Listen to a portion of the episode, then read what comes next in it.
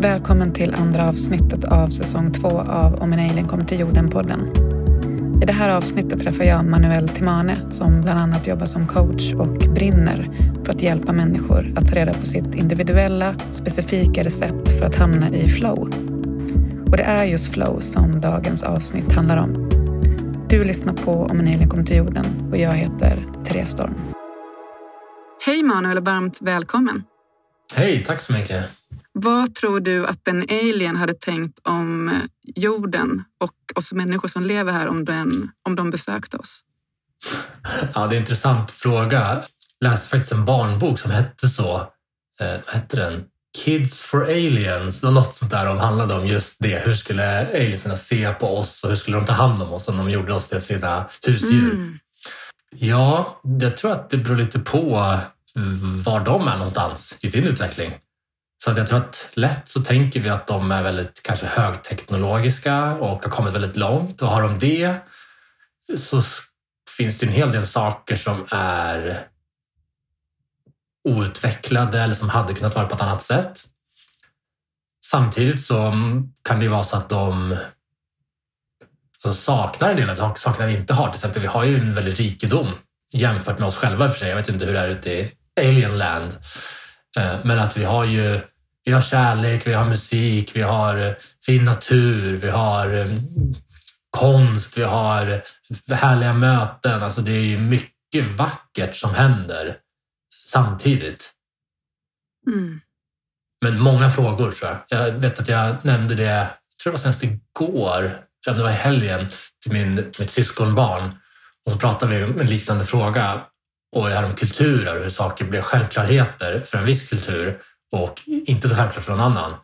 Och till exempel om en alien kom till Sverige då, till exempel på julafton och så kommer in en röd tjock eh, gubbe och kastar presenter och frågar om det finns snälla barn så tror jag man skulle bli ganska perplex och säga okej, okay, vad, vad handlar det här om? Ja. Så det finns en hel del frågor att ställa. Precis lika mycket frågor som vi skulle ha att ställa dem tror jag. Mm, ja, såklart. Tack för det.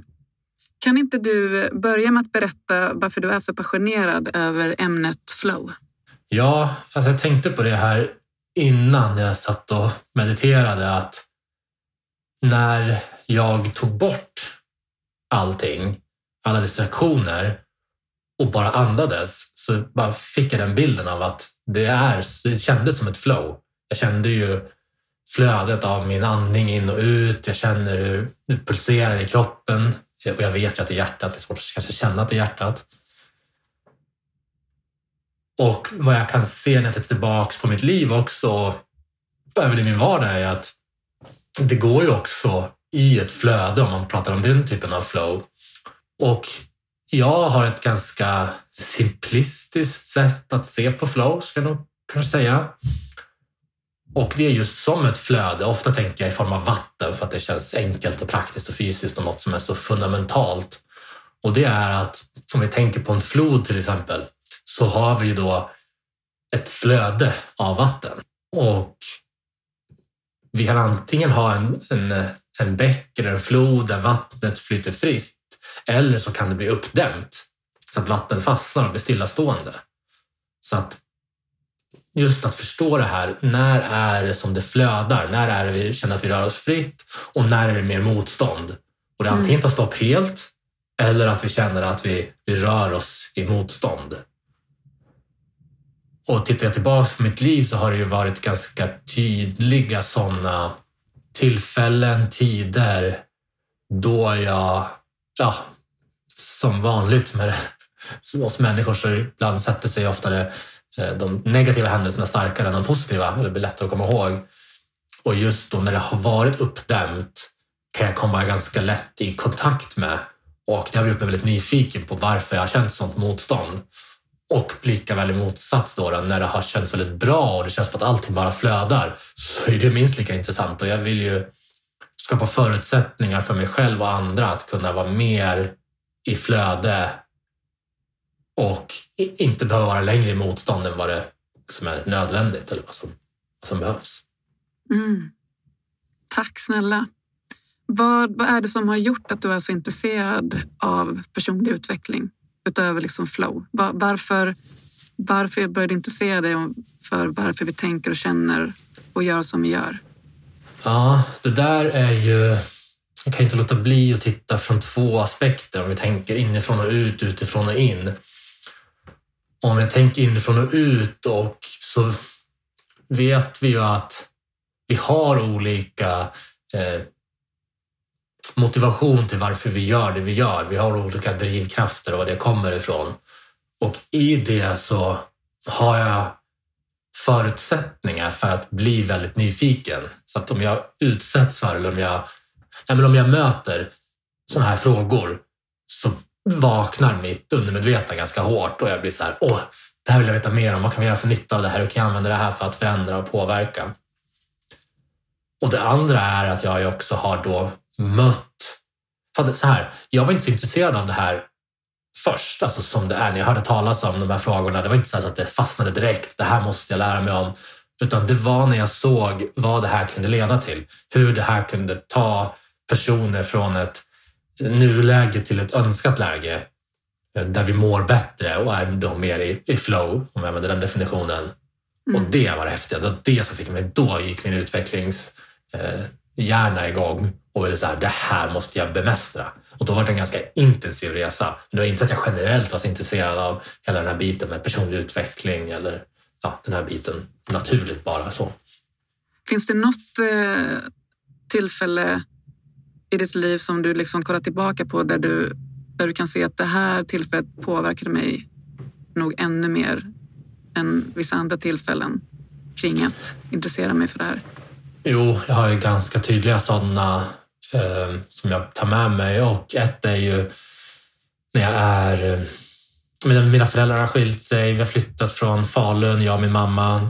Och jag minns det här väldigt tydligt att jag, jag sitter inne på mitt rum och leker med såna leksaksbilar på en sån här eh, matta som ser ut som en stad. Det finns här vägar man kan åka med. Ja. Och så hör jag ljud från, från eh, av en hallen eller gången i mitten av lägenheten. Och jag går ut och min mamma sitter där och gråter och jag förstår att hon pratar i telefon med min pappa och det är konflikter. Och jag i mitt behov av att hjälpa till och bidra och göra nytta vill liksom göra någonting. Men fyraåring har inte så mycket verktyg, hade inte jag i alla fall. Så jag som kryper upp, sätter mig där och jag känner liksom hur tårarna rinner ner på, på nacken. Och, och jag minns den där känslan väldigt väl hur den hjälplösheten och viljan att kunna påverka. Att eh, jag skulle rädda världen, jag skulle göra stor mm. skillnad så kunde jag inte ens eh, rädda min egen familj. Det minns jag som en väldigt stor eh, smärta och att på sätt och vis var jag i en passiv smärta ganska länge tills jag förstod och fick uppleva att jag kan påverka min egen värld. Jag kan påverka andra människors värld och det var då det var så här, okej, okay, det finns en kraft, jag kan eh, göra skillnad. Men innan den tron fanns så, så var det mycket motstånd. Inte bara såklart, men det fanns där med mig vet jag. Mm. Tack snälla för att du delar med dig av det. Förra året så gick jag en kurs i positiv psykologi och blev själv väldigt fascinerad över hur flow är ett sånt potent sätt att, eh, för oss människor att öka välmåendet i vårt liv eftersom frekventa upplevelser av flow knuffar ju upp vår, vår baslinje av vårt mående. Vad skulle du säga är viktigast att tänka på ifall en vill få in mer flow i sitt liv? Hur gör man för att hitta sitt individuella recept för flow? Just det. Ja, jag brukar använda lite olika liksom, metaforer att prata kring beroende på exakt vilket angrepp vi har på det. Men jag tänker att ett sätt att se på det, det är ju som en, en flod, ett flöde, men det kan vara ganska svårt att tänka, okej, okay, vad gör jag med den informationen? Så att ett annat sätt att se på det kan vara att man ser oss som en bil, ett fordon. Och att då säga att jag, flow är att röra sig fritt, att kunna köra eh, snabbt på en motorväg eller på en landsväg, vad vi nu ser framför oss. Och då kan jag fråga mig, okej, okay, jag som person vill swisha fram där på, på landsvägarna och njuta av eh, naturen. Okej, okay, vad behöver jag göra för att kunna flöda fritt där och kunna få den här upplevelsen? Och då finns det ju flera aspekter såklart. Men okej, hur tar jag hand om den här bilen? Vad, om jag ska köpa en ny bil behöver jag veta vad är det för, vad ska jag ha för färg på bilen? Eller nu har vi ju vår kropp så den väljer vi inte riktigt så, men jag kan i alla fall designa den eller göra vissa val. Jag kan bestämma vilken väg ska jag ta? Jag kan fundera på, men jag kan göra olika val. Men en, ett, en fundamental fråga att ställa sig, som jag ser det, det är vilket bränsle har bilen? Mm. För att du kan, ha, du kan sätta på dekaler, du kan byta färg på det, du kan ändra interior, alltså inredningen i bilen, hur mycket du vill. Men om du inte vet och kan tanka den med rätt bränsle så är oddsen att du kommer få swisha fram det på landsvägarna ganska liten. Och en utmaning jag ser är att vi människor, och jag själv också som jag berättade om där, har ju inte vetskapen om vilket bränsle, om jag då är bilen, vilket bränsle behöver jag för att ta mig framåt? För att kunna hamna i flow. Eh, och en typ av bränsle är ju såklart det praktiska. Okej, okay, jag behöver vatten, jag behöver mat. Men en annan är ju också på ett psykologiskt plan. Vad är det egentligen som får igång mig? Vad är det som triggar igång mig att kunna må bra? Vad är det som gör att jag hamnar i motstånd? Mm. Och där saknas det ofta en en medvetenhet om exakt vad jag behöver, vilket gör att vi tankar på med bränsle som inte är optimalt för oss. Oavsett om det handlar om att vi kanske arbetar för mycket själva när vi egentligen borde arbeta i team. Vi kanske har för mycket begränsningar på jobben när vi egentligen borde arbeta fritt. Vi mm. kanske har en specialiserad arbetsuppgift när vi borde få vara visionära och titta på helheten. Vi kanske har en arbetsuppgift eller en arbetssituation där vi har nått taket av vår utveckling och det finns inga utvecklingsmöjligheter. Eller vi kanske är på en plats eller en arbetsplats där vi inte känner oss trygga, vilket kanske är en förutsättning för just mig att man. Eller jag behöver få känna mig, jag vet att jag behöver känna mig specialiserad. Jag måste ha mitt område där jag äger, där jag är experten. Då känner jag att det är riktigt bra. Och det här kan vi veta grovt eller känna ja, men ungefär så här. Men det jag ser i, mitt arbete och i, ja, i människor i min omgivning är att vi inte har den precisionen i att förstå exakt vilket bränsle ska vi tanka med. Och hur, hur tar man reda på sitt specifika bränsle? Hittills så har vi egentligen inte fokuserat på bränslet. Vi har fokuserat på, och då pratar jag vi som menar jag inom personlig utvecklingssfären, inom ledarskapsutveckling på bolag. Och då har vi tittat på först och främst beteende. Alltså egentligen det här. När du väl är på vägen, vad gör du? Svänger du höger, vänster? Är du en sån som kör eh, aggressivt? Kör du långsamt? Gillar du köra i grupp tillsammans med folk? Kör du med värsta liksom, sportbilen och vill liksom, hitta ett sätt att sticka ut? Eller kör du väldigt lugnt och tryggt? Och det är ju en fråga att ställa. Men det är ju någonstans på i vad jag gör. Och sen har man ställt frågor ner på, komma djupare också. Men okej, vad är det som driver det här? Hur agerar jag? Vad har jag för liksom, tendenser? Vad prioriterar jag? Och då har vi tittat ner på värderingar. Och det har ganska länge, alltså över 40 år, har vi kunnat förstå och vi har haft ord att prata om vad vårt psykologiska bränsle är. Men det är först sedan tio år tillbaka som vi har kunnat, lite som ett lackmuspapper, att vi kan så här, doppa ner det i tanken och säga okej, okay, få fram med precision, exakt det här är det du behöver och i de här graderna. Så att för att du ska, liksom, din bil, din kropp, du ska rulla på så bra som möjligt så skulle du behöva skapa en förutsättningar och en situation, en miljö som stöttar de här behoven. Men då är vi nere på behovsnivå och det är inte så många som än så länge har kommit dit, tyvärr. Mm. För att sammanfatta det, då, då pratar vi först om beteende. Sen under när vi tittar så har vi kollat på värderingar och sen nu mm. de sista tio åren så börjar vi mer kolla på de psykologiska behoven som ligger under värderingarna och beteendena. Precis, eller under, över 40 år har vi, kunnat, har vi tittat på behov men vi har inte kunnat mäta dem. Mm. Sen tio år tillbaka kan vi faktiskt mäta dem så att vi får precisionen på individnivå. Innan har det varit mer att man säger att okej, okay, i en grupp, för att den här gruppen ska hamna i flow, för att den ska bli högpresterande, då är de här behoven eller behovsgrupperna är viktiga att de är uppfyllda. Men vi har inte vetat exakt hur vi gör för att uppfylla dem. Mm. Och vad olik, hur olikheterna ser ut. Säg att du och jag jobbar i ett team. Okej, okay, hur, och våran chef till exempel. Hur kan våran chef, eller vad har vi som vi behöver olika? För att ger vi one solution fits all, ja men då missar vi över 90 procent i träffsäkerhet. Mm. Och många gånger utgår vi från det vi själva behöver. Verkligen. Men om det är någon som lyssnar nu då som blir superintresserad och så här, wow, jag vill verkligen ta reda på mina egna specifika psykologiska behov. Ja. Vad ska han göra då?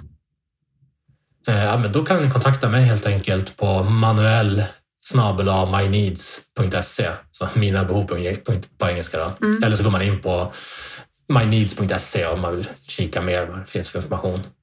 För det jag gör egentligen i min vardag, i mitt arbetsliv, det är ju just att jag eh, hjälper människor med att ta reda på okej, okay, vad är det för bränsle jag behöver?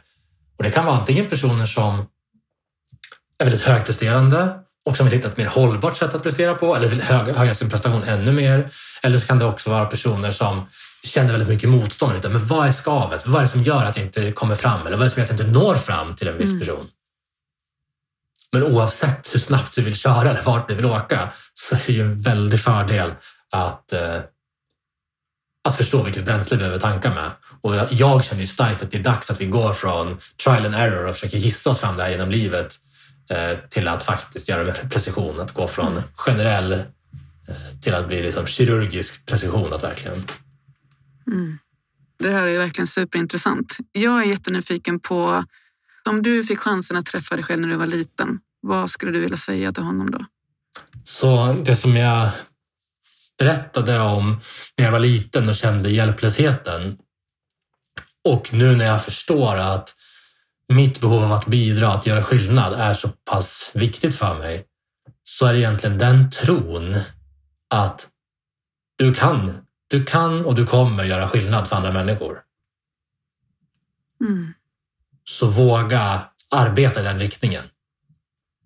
Hade jag haft det hade det räckt gott. För sen har jag full tillit till att jag själv kan navigera och ta beslut. Men det är just den där tvekan och jag har inte vetat om den här rösten eller vad jag kallar det för. Mm.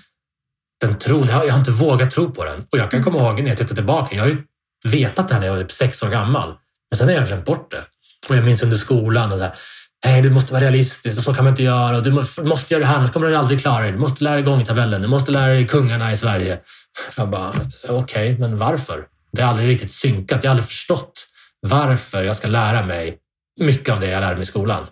Och varför också mitt fokus har rört sig utanför skolan och det är också där jag har fortsatt bilda och utbilda mig efter att jag gått klart alla olika skolor och universitet. Och... Ja, men vad fint. Helt enkelt berätta för honom att han ska våga lyssna på den här rösten långt där inne. Inom dig. Ja. Och lyssna på det. Alltså det låter kanske brutalt, och, men att och lyssna typ nästan bara på den.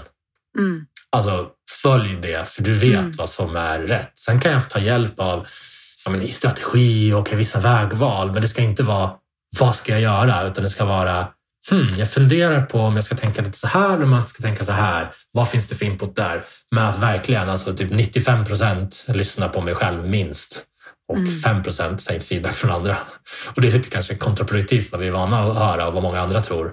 Men jag känner det starkt. För det är så många gånger som jag har känt att det här är rätta, det här ska vi göra.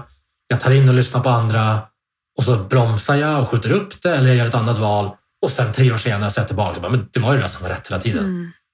Det är väldigt sällan som jag, det har varit så att, alltså klart det händer, men det är, ganska, det är ganska sällan som det är så att jag känner att hit, den här riktningen borde jag gå och jag följer den och så säger jag nej det här var inte rätt, jag borde ha tagit den här riktningen. Det är ganska sällan och framförallt inte i stora beslut alla fall. Och jag tror ju att det är lite svårt, jag har inte riktigt fått svar på det här helt och hållet, hur det ser ut för olika människor.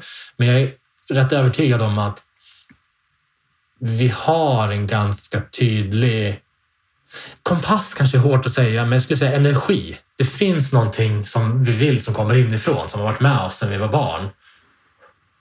Och att våga lyssna på den hjälper oss, och har hjälpt mig i alla fall ofta, att vara i flow. Mm. Vad nu den rösten säger. Problemet är att vi misstolkar eller vi framförallt väljer att inte lyssna på den.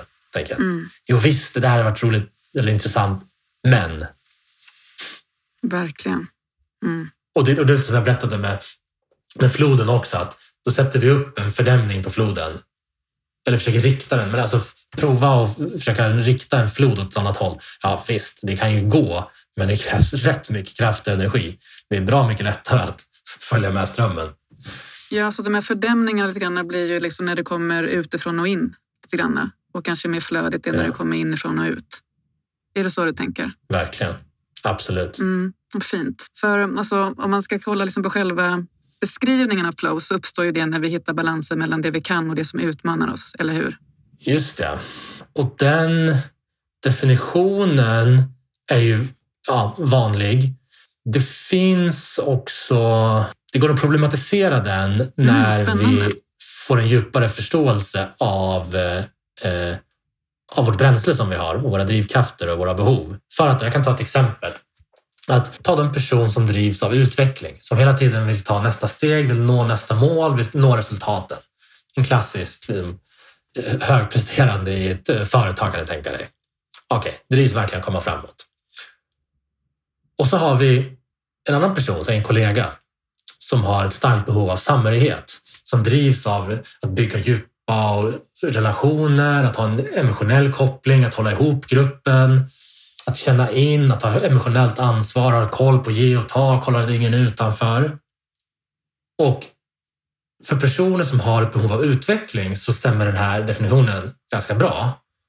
Tittar vi på en person som har ett starkt behov av samhörighet så handlar det mycket om att jag vill känna att jag, är, jag kan hantera den uppgiften. Jag lyckas skapa den här miljön för mina kollegor, för min grupp och hemma vill jag göra det för min familj och mina vänner och mina släktingar.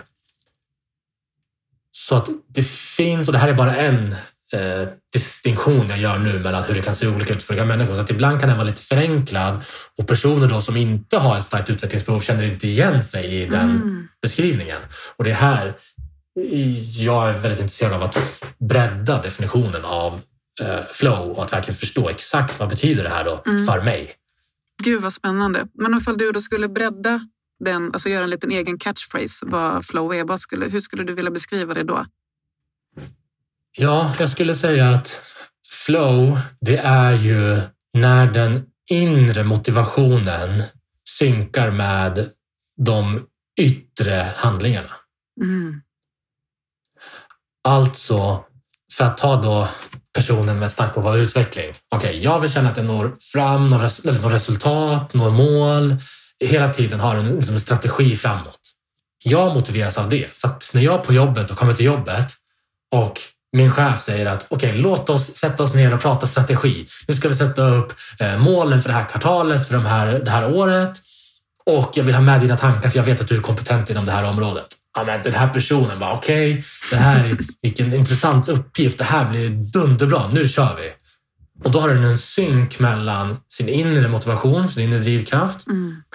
och de handlingar jag utför. Likaväl för personen som har samhörighet och vill drivs av att ta hand om relationer och möta människor på djupet. Säg att chefen säger samma sak där. Hej, kan du komma in på mitt rum? Ja, men absolut, jag kommer in. Du, jag tänkte så här, våra team, vi har ju, det börjar kännas som att vi glider ifrån varandra och vi alla är så fokuserade på sina arbetsuppgifter. Jag tror att det är viktigt att vi håller ihop som ett team. Vi tänkte planera eh, fredagens teambuilding. Hur vi ska göra för att verkligen nå fram till varandra. Vi tänkte också ja, men göra det lite trevligt, skapa en bra stämning. Och den personen, Ja, men absolut. Jag har massa idéer. Jag, jag, jag, vet, jag kan baka och jag vet att Agneta hon kan jättebra på inredning. Och, vet, och Johan han fyller år då också. Vi kan passa på att köpa tårta och, ehm, och fira honom när vänner på gång. Då är de yttre handlingarna synkade med hans inre motivation. Mm. Och om vi fortsätter och går igenom då kan vi säga, ja, säg en person som har ett högt behov av signifikans, som verkligen vill vara specialist, vill vara expert och vill vara kunnig inom sitt spetsområde. Det är samma, scen, det är samma situation igen. Jag kommer in på jobbet, chefen kallar in mig på rummet. Kan du komma in här? Ja, absolut. Vad, vad gäller det? Ja, men du, vi har det här projektet och i det här så har vi den här aspekten eller det här området, den här uppgiften vi har försökt, alla har försökt att klara den här, de andra teamen har inte klarat av det. Jag vet att det här är ditt expertområde. Skulle du kunna ta dig an det här och se om du kan lösa den här buggen i systemet eller vad det kan vara?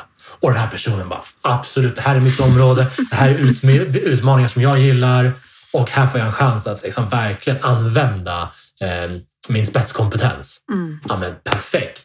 Den inre motivationen synkar med de handlingar jag får göra. Samma sak har jag variation. Jag kommer in, vill ha upplevelser, det ska vara roligt, det ska hända saker och chefen kommer in och säger kan du komma in där? Vi behöver lite brainstorming, vi har riktig idétorka, vi behöver idéer på eh, eh, nyheter vi ska ta upp eller kanske om man är på en tidning och säger att ja, men, jag vill ha idéer på vad vi kan skriva på löpet och den här personen är idéspruta. Absolut, ja, jag har tänkt på det här, jag såg den här aspekten, det här ordet trendar just nu, det här kan vi testa. Ja, men, kontakt igen mellan motivation och handlingarna. Har jag trygghet? Ja, men okej. Okay. Vi ser att vi har inte riktigt koll på alla risker här på bolaget. Vi fick eh, påpassning från eh, Arbetsmiljöverket som säger att eh, vi behöver se över det här. Har du, kan du hjälpa mig att se över ifall vi skriver kanske en rapport på liksom, hur vi kan säkra upp arbetsplatsen, både mentalt och praktiskt och, och våra processer? Absolut, skapa mer trygghet, skapa mer förutsägbarhet och tydliga processer. Absolut, det är precis det jag vill har jag en person som har bidragit som säger att men,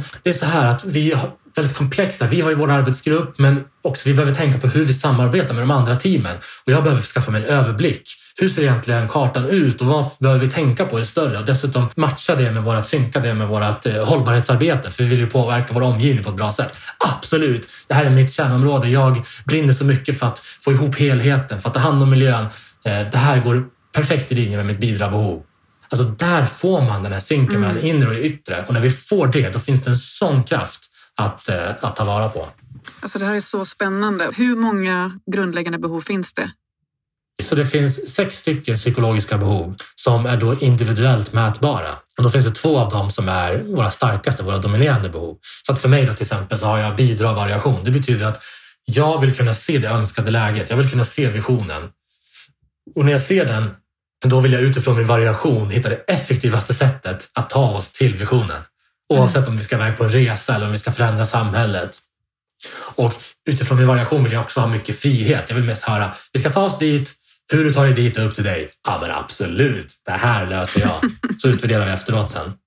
Men om någon säger, okej, okay, eh, vi siktar mot den här visionen, det är hit vi vill. Absolut, där är jag med. Så säger de, här är en handlingsplan. Dag ett gör du det här, klockan 9.00 har du det här mötet och du måste göra precis på det här sättet. Om du inte gör det, då blir det repressalier. Alltså, varför pratar du med mig om det här? Jag tappar mm. energin direkt.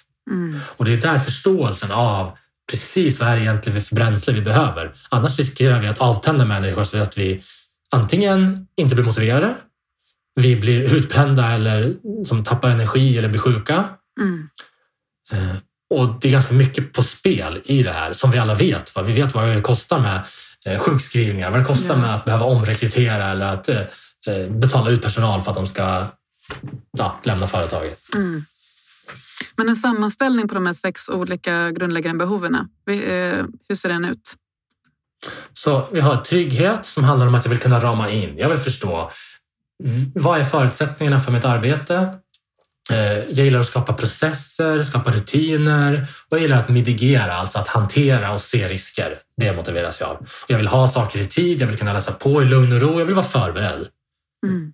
Vi har variation, det är ju då om, om, om trygghet vill rama in så vill variation mer ha man ser en ruta då tänker man att hur kan jag ta mig ut från den rutan? Hur kan jag uppleva allt annat som finns utanför den? Jag vill inte känna att jag behöver hålla mig inom den här rutan.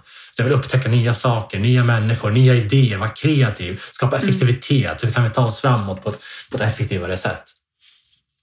Har jag utveckling, då är jag väldigt nyfiken och vill upptäcka nya saker. Jag vill lära mig, jag vill känna mig kompetent, jag vill se en process, jag vill se ett, en strategi, en väg framåt. Jag vill inte känna att jag är i slutet av trappan. Att ja, men nu är du klar, nu är du färdig, nu har du nått toppen. Och så försvinner energin helt. Nej, mm. där behöver jag se det här är nästa steg, det här är möjligheterna som finns. Har jag signifikans, då är jag mycket mer specialiserad. Jag vill ha min spetskompetens, jag vill ha mitt specialområde. Jag vill kunna känna att jag verkligen sticker ut med kvalitet. Att det här kan jag riktigt bra, det gör jag riktigt bra. Det är inga stavfel, det vart fitt. Den här detaljen, supersnygg den här powerpoint-presentationen. Eller jag fick till den här koden så snyggt som, eh, som ingen annan hade tänkt på. Att hitta de där verkligen mm. speciallösningarna i bidrag så zoomar jag ut och tittar på helheten och säger okej, okay, hur hänger allt ihop? Hur kan jag zooma in och ut mellan detaljer och helheten? Hur kan jag känna att jag är den som ger? Hur kan jag ha ett högre syfte som jag jobbar för? Och jobbar enligt. Om mitt, mitt inre syfte till exempel inte går i linje med företagets syfte, då har vi ett problem där det kan lätt kan bli en krock. Eller om min arbetsgivare inte förstår vikten av att vi faktiskt lever enligt vårt syfte, att vi lever enligt våra värderingar. Och sist men inte minst så har jag samhörighet, då var det som jag var inne på, som pratade om relationer. Okej, okay, jag vill knyta djupa kontakter, vänskapsrelationer, jag tar hand om gruppen, det är laget före jaget. Jag känner in, jag kommer ihåg födelsedagar, jag kommer ihåg som detaljer om dig som gör att jag vet att vi har en stark relation. Och jag vårdar de relationerna. Mm. Så det är de sex olika behoven. Trygghet, variation, utveckling, signifikans, bidra och samhörighet.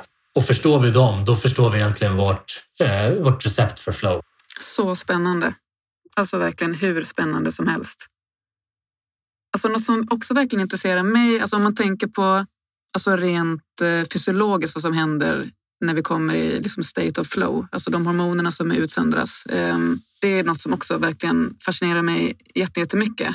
Och tvås tillstånd, när vi verkligen upplever att vi är i nuet är ju mindfulness eller flow. Men det som är så fascinerande är ju att det producerar tvärtom när det gäller till hormoner. För att flow ger en viss förhöjning av adrenalin och kortisol. Och mindfulness sänker liksom exakt samma stresshormoner. Alltså jag tycker att det är så himla fascinerande. För flow leder ju till tappad självmedvetenhet. Att vi liksom inte känner kroppen, vi är mitt uppe i uppgiften. Medan mindfulness istället flyttar oss till motsatsen. Alltså det är ju verkligen in i medvetenheten och kontakt med våra sinnesintryck. Vad tänker du kring det? Och båda är väl egentligen närvaro på ett sätt. Den ena är närvaro Exakt. i mig, i varandet i kroppen. Det andra är full närvaro i arbetsuppgifter, i det yttre och det jag gör. Exakt. Och det är som om jag använder eh, metaforen med eh, ficklampan. Okej, okay, när jag går in i mindfulness då sätter jag ficklampan inåt. Vad känner jag? Vad tänker jag? Vad, vad mm. finns i mig? Vad är sant i mig just nu? när jag arbetar och in i den fysiska uppgiften och är flow i det, men då vänder jag ficklampan ut och då glömmer snarare mig själv och ser nästan bara uppgiften. Gud vad fint beskrivet. Det är ju verkligen så det är. Eh, och apropå de där små eh, utomjordingarna, men vad tror du de har att säga om, om det vi pratat om idag, om flow? Och hur vi kanske inte utnyttjar den, ja, men ska vi kalla det för en superkraft som det kanske egentligen är? Ja, alltså det är ju en komplex fråga. Men jag tänker så här att det finns som två perspektiv, om jag så vill, som jag tycker mig höra i debatter, i samtal. Just framförallt när vi pratar om samhälle och samhällsförändring och hur borde det vara, hur mår människor? Det ena perspektivet är att vi tittar väldigt mycket på individen. Okay, men vad gör du? Har du jobbat med dig själv? Du behöver ta ansvar. Förändra ditt mindset, tänkande, så förändrar du ditt liv. Och sen å andra sidan finns det de som tittar mer på strukturerna och ser att ja, men, vi behöver ändra förutsättningarna, vi behöver ändra strukturerna och det är det som gör det svårt. Eller vissa kanske menar till och med att man omöjliggör för människor att, att göra det som är rätt för dem och rätt för andra. Vissa till och med ifrågasätter det fria, eller till och med ifrågasätter det fria, att vi har, har vi ens ett fritt val? Mm. Och jag tror att det finns någonting i båda. Precis samma sak som vi behöver utandningen och inandningen. Vi behöver gå på både vänsterfoten och högerfoten annars blir det ett annorlunda och jobbigare sätt för att gå för de flesta. Så tror jag att vi behöver titta på båda. Jag tror man skulle titta på båda och säga att ja, eh, människa, hur tar du ansvar för dig själv? Gör du det du kan för att vara den du vill för dig själv och andra? Det är en viktig fråga, en validerad fråga och det kan vi bara fråga oss själva. Gör vi det hela tiden? Nej, såklart inte. Men att ställa oss den frågan. Och det andra är, har vi byggt upp de strukturer, de förutsättningar, de miljöer som bäst gynnar oss att kunna leva sant mot oss själva och andra? Mm. Och ja, det är väl lätt för de flesta skulle jag säga. Det är väl knappt någon som skulle säga emot det. Att nej, vi har kanske inte byggt upp det optimala. Eh, och det finns helt klart saker att göra och förbättringar att göra där. Och jag tror att båda behöver få vara sanna samtidigt. Jag kan bli lite trött på det dualistiska tänkandet att det är antingen eller. Mm. Om jag har rätt måste du ha fel. Om du har fel måste jag ha rätt. Nej, Vi kan båda ha fel. Mm. Och vi kan båda ha rätt. Mm. Det är när vi byter perspektiv så kan vi också lära oss att se, okej, okay, varför är det här rätt för dig? Varför är det här rätt för mig? Och någonstans att verkligheten är så komplex så förmodligen ingen av oss kommer ha helt rätt. Men jag, det är ganska sällan som all, alltså, någon har helt fel heller. Mm. För det byggs på någonting. En, en, en lögn som byggs utan någon sanning har ganska svårt att slå igenom kraft. Men en, en lögn, om vi så vill, eller en osanning som bygger på någon slags sanning blir mycket mer kraftfull och lättare för oss att tro på. Det är det som är så lurigt. Mm. För vi tar ofta en sanning och så tänker vi att det är hela sanningen och så frågasätter vi inte oss själva. Mm. Du tänker att en utomjording hade liksom lyft de här perspektiven? Det beror på som sagt vilken utmaning eller vilken ut, utomjording det är och vad de har för perspektiv. Men eh, om de ville vårt bästa och kommunicerade på ett liknande sätt som oss och de själva såg det här så tror jag absolut att de skulle också det här med frågor snarare än svar. De skulle nog ställa lite en del intressanta frågor som skulle bli... Ja. Fint. Och vem skulle de fråga? Jag har ingen världspresident eller sånt där så man får fråga runt eller göra någon enkätstudie eller någonting. Men den frågan jag skulle vilja skicka med nästan, det vore... Egentligen, det är för oss alla när vi, i vårt liv och när vi möter människor och nya människor eller nya organismer. Är så här, vad kan jag lära mig av andra? Mm. Och jag tror att om både utomjordingarna och vi går in med den frågan som fokus så tror jag vi har goda förutsättningar. Men går vi in med frågan att vad vill du mig? Eller hur hotar du mig? Hur ska jag försvara mig mot dig? Med sådana frågor så kommer du också helt andra svar. Verkligen. Och där tror jag är en stor risk. Om vi tittar på hur vi hittills i historien har hanterat olikheter eh, vid många tillfällen så Mm. har vi nog en del att lära där. Och vi har sett priserna av att ställa aggressiva frågor. Mm. Tack snälla för det.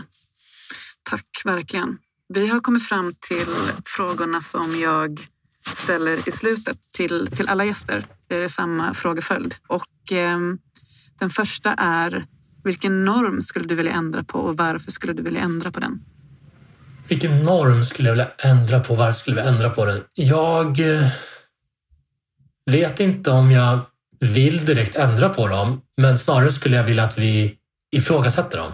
Och inte Mm. bara en, utan egentligen alla. Jag skulle vilja att vi alltså, in, från ett icke-dömande sätt ifrågasätter våra egna, framförallt våra egna, och våra egna gruppers normer. Mm. För jag tror att när vi, när vi börjar se våra kultur och våra normer för normer, det är då vi har en chans att ifrågasätta dem på riktigt. Men om vi tänker att det bara är sanningen, då är vi oförmögna att ändra. Och då kan nästan ja, många olika normer kan vara skadliga om de misstas för sanningar.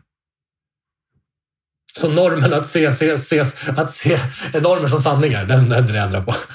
Normen att se normer som sanningar. Ja, men den är bra. Ja. Den är bra. Tack snälla för det. En person som har inspirerat eller präglat dig, eller både inspirerat och präglat dig i livet. Om jag ber dig berätta om en sån person, vem, vem är det som kommer upp då? En person. Mm. Men alltså, vill du ta flera så kör. Men det är bra att du ger mig eh, ett autonomi här också. I mina, det är viktigt för mig som har högt på variation att kunna välja själv. Ja, men då har jag faktiskt eh, fyra personer som är väldigt tydliga. Och jag kan ta dem i kronologisk ordning faktiskt. Mm. Den första är min mamma. Mm. För att det var ju hon som lärde mig om världen och jag har faktiskt behållit mycket av hennes sätt att se och möta andra människor. Så den är faktiskt stark. Fint. och just den här var öppen och välkomnande och orädd, varm, icke-dömande. Jag tagit med därifrån.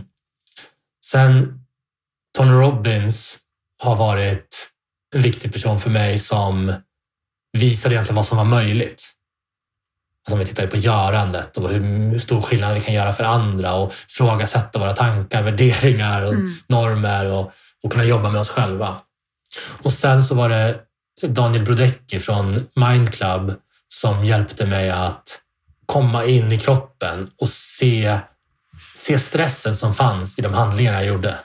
Mm. Och i och med det kunde jag börja andas igen och säga att okej, om jag kommer från en plats av närvaro så kommer jag kunna göra en mer fundamental, sundare skillnad och jag kommer bli mer hållbar samtidigt. Mm. Och sen är det Desiree Rova som har ju gett mig tillgång till en plattform att kunna ja, men göra det vi pratar om här. Att kunna hjälpa människor att förstå vilket bränsle de behöver och göra det tillgängligt för eh, en hel värld, vilket vi är på väg att göra. Mm. Så de har väldigt, betytt väldigt mycket och, eh, för mig. Mm, fint. Och Desiree är grundaren av My Needs. Grundare av My Needs, precis. Tack snälla för det. Nästa fråga är, för att må bra i livet, vad tror du är viktigt för oss då? Jag ska hålla det enkelt så hög behovstillfredsställelse. Mm. Om du inte skulle hålla det enkelt? Hög behovstillfredsställelse. för att det är, det är enkelt för att det är så här, okej, okay, då vet jag. Men sen ska jag också göra jobbet. Sen ska jag uppfylla de här behoven. Jag ska förstå behoven. Jag ska liksom, arbeta med det. Jag ska möta andra i det. Det är ju komplext samtidigt som det är enkelt. Mm. Absolut. Tack för det. Sista frågan är eh, helt enkelt om den som lyssnar nu längtar efter mer av dig. Vad, vad hittar den då någonstans? Så det är mitt namn, Manuel Timane, Manuel Timane, eh, stavningen. Och jag finns ju på LinkedIn, Instagram, Facebook. Eh, och man når mig även på manuel.myneeds.se om man vill skicka e-mail. Så att ifall man vill veta mer om det här eller skicka kärleksbrev, då är det, det är där man ska höra av sig? Precis, framförallt kärleksbrev. Ja, jag förstår det. Alltid älskar kärlek. Men vem gör inte det? Ja, men alltså så stort, stort tack för idag. Ja, tack själv. Det är väldigt fint att få prata om det här. Så jag är otroligt tacksam för att du tog tiden och sitta och prata med mig idag. Tack snälla. Tack så mycket.